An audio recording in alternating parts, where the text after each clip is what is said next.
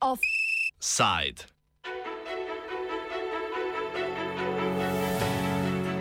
Komu zvoni v gradu zvonov?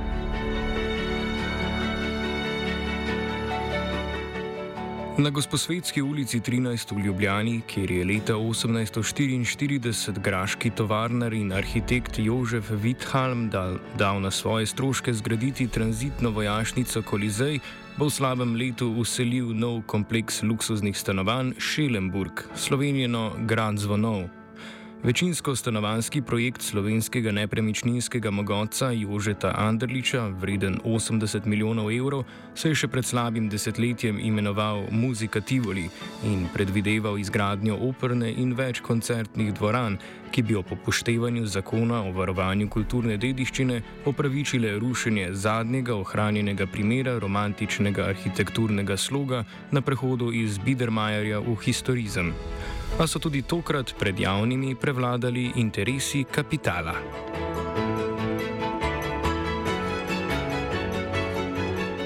Ministrstvo za kulturo je namreč prejšnji teden ugodilo lastnici zemljišča družbi Tivoli Razvoj Rezidenc DOO, hčerinskemu podjetju Anderličeve skupine Reitenburg, da mu v okviru alternativnega izravnalnega ukrepa na mesto izgradnje večnamenske kulturne dvorane v prvem in drugem nadstropju kompleksa dovoli izplačilo očkodnine v višini 1,5 milijona evrov. Odločba razkriva, da je družba Tivoli ministrstvu svojo željo po opustitvi gradnje dvorane utemeljila s pojasnilom, da zaradi omejujočih okoliščin v zvezi z lokacijo ne bo mogla izvesti izravnalnega ukrepa zagotovitve večnamenskega prostora v novem objektu.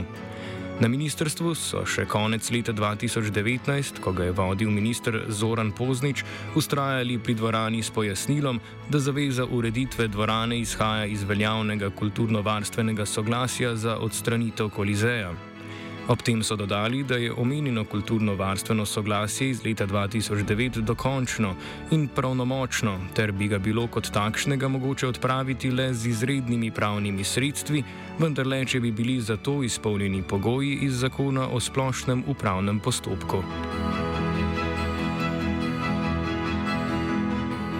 Simonitijevo kulturno ministrstvo, ki je leta 2006 Anderliču rušenje Kolizeja preprečilo začasno razglasitvijo tega za kulturni spomenik državnega pomena, je tokrat obrnilo ploščo.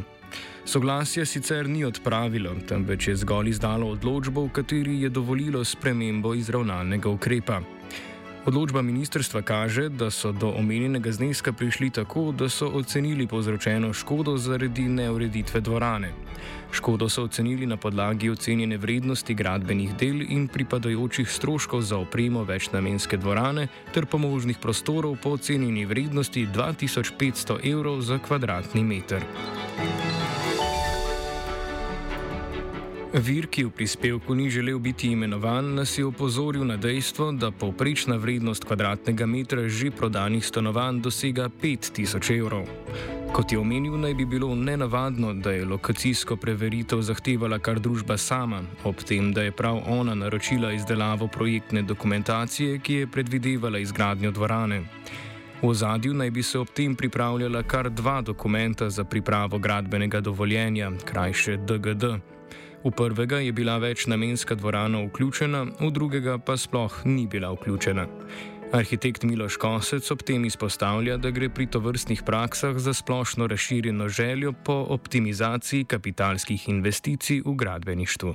Pri nas gre se to, tak pristop um, z nekim izseljevanjem uh, zatečenega stanja razvil že kar v, jaz bi temu rekel, investitorsko prakso.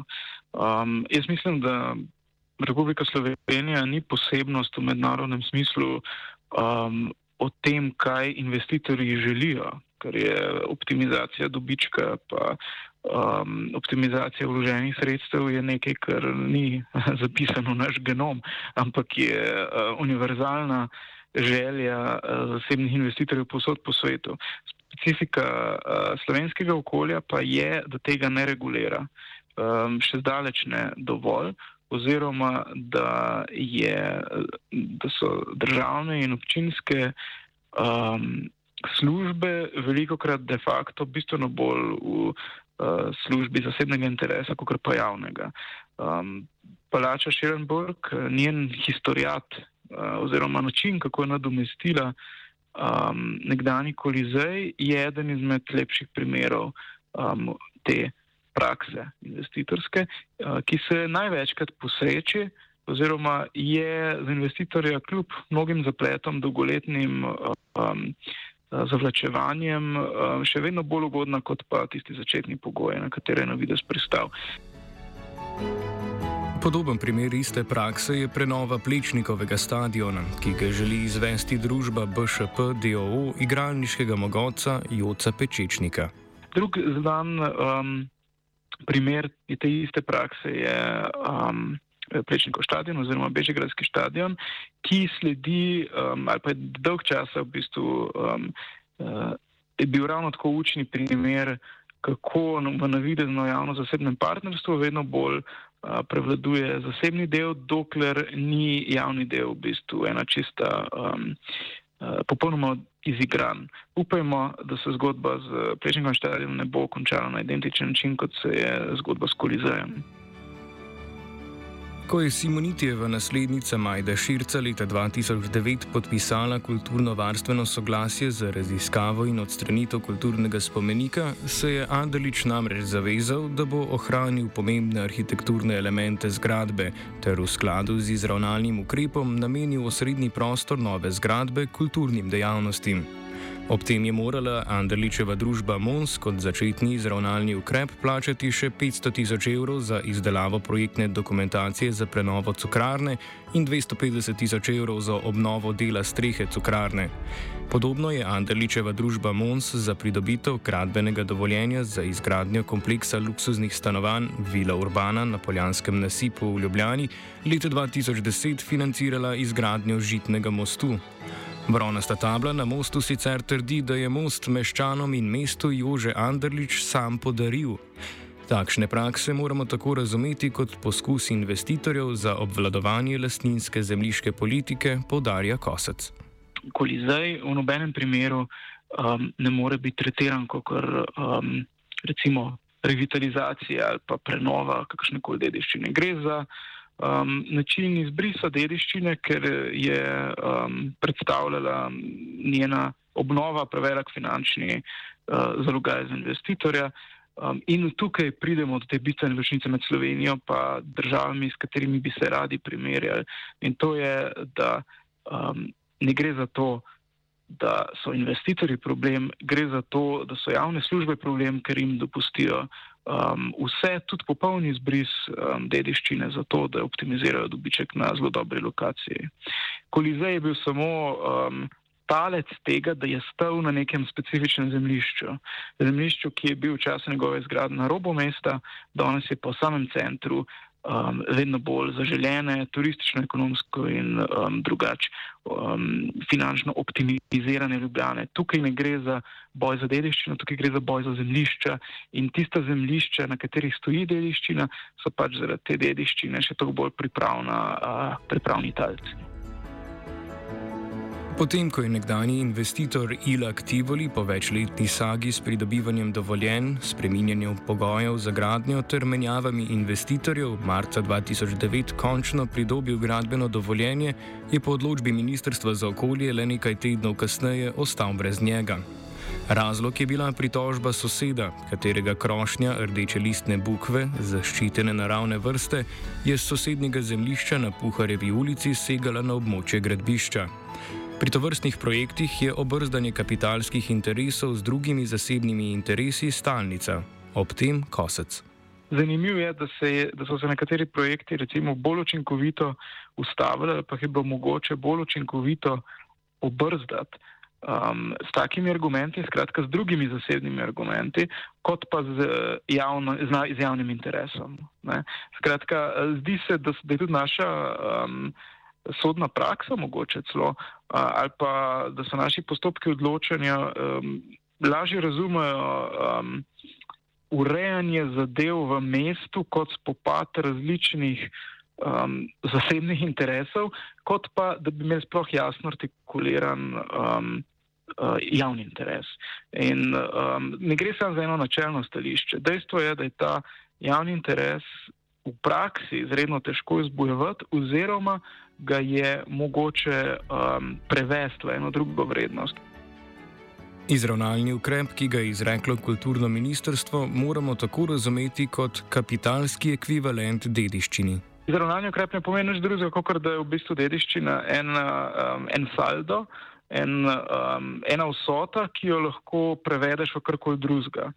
Um, skratka, kar je seveda absurdno, um, tukaj izgubimo vse, um, kar je specifičnega, avtentičnega. Um, Uh, tega, kar ne bi varovali, ampak do, v bistvu med vrsticami dobimo dediščino kot neko vrednost, ki jo je mogoče ohranjati, če tudi posamezni njeni elementi so popolnoma nadomestljivi.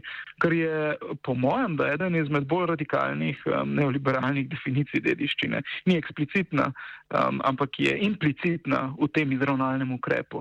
In ne gre samo za, načel, na nek, za nek načelen problem. Gre za to, da, da se pri nas um, dileme rešujejo točno na tak način, kot da je dediščina je varovana. Samo takrat, kadar um, ta, to varovanje v bistvu ne preprečuje uresničitve kakšnih drugih interesov. V momentu, ko so te interesi dovolj močni, lahko še tako močno um, to državno varovanje povozijo brez večjih problemov, kar je absurdno. Seveda so te um, objekti kulturne dediščine, seveda so pa na udaru tudi objekti naravne dediščine oziroma območje naravne dediščine, so varovani ravno zaradi tega, da jih ne bi partikularni interesi povozili. Dediščina pa je v očeh oblasti in investitorjev zgolj ovira. In tukaj je ena um, nenehna generacijska že v bistvu um, sklicevanje na to, da je varovanje dediščine um, zaviranje razvoja. Um, mislim, da je to um, en osnovni indikator, zakaj še zdaleč nismo uh, zrela družba. Če, če razumeš varovanje dediščine kot uh, zaviranje razvoja, to pomeni, da, še, ve, da še vedno razvoj uh, razumeš izključno samo kot partikularen. Uh, partikularno realizacijo uh, zasebne pobude in da ne razumeš, da je en velik, pomemben del razvoja um, kolektiven pa javen.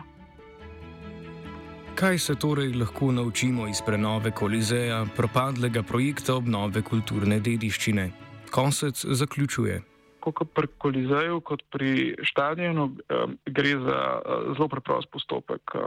Lansiranje projekta na začetku uh, pod krinko ohranjanja dediščine z dobro podprto PR akcijo, uh, ki uriše v bistvu javno dobro. Vsi te projekti so lahko šli naprej v, v prvih sitih, v prvih fazah, ravno na podlagi uh, doprinosa k javnemu dobremu. Ne? V primeru Kolizeja um, izredno ambiciozen plan nove operne in koncertne dvorane, dimenzij um, skoraj da galusove dvorane, skratka en veliki doprinos recimo uh, kulturnemu javnemu življenju v mestu.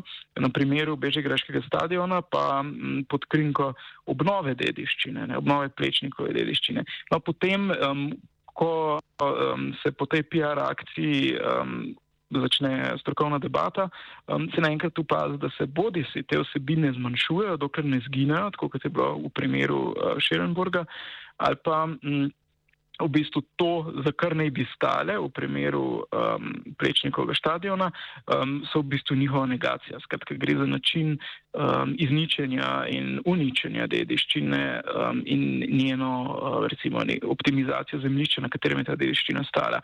Skratka, to je zdaj pa že lahko rečemo predvidljiv postopek eh, lansiranja ene PR akcije, ki se potem um, v imenu javnega dobrega, ki se potem manjša in manjša in manjša, dokler v trenutku, ko zahromijo gradbeni stroj in izbrišajo zadnje sledi te dediščine, naenkrat ni več nobene uvere in ta um, recimo ljubezenska zgodba med zemljiščem in investitorjem je lahko realizirana uh, brez tizga zoprnega tretjega partnerja, to je javni interes.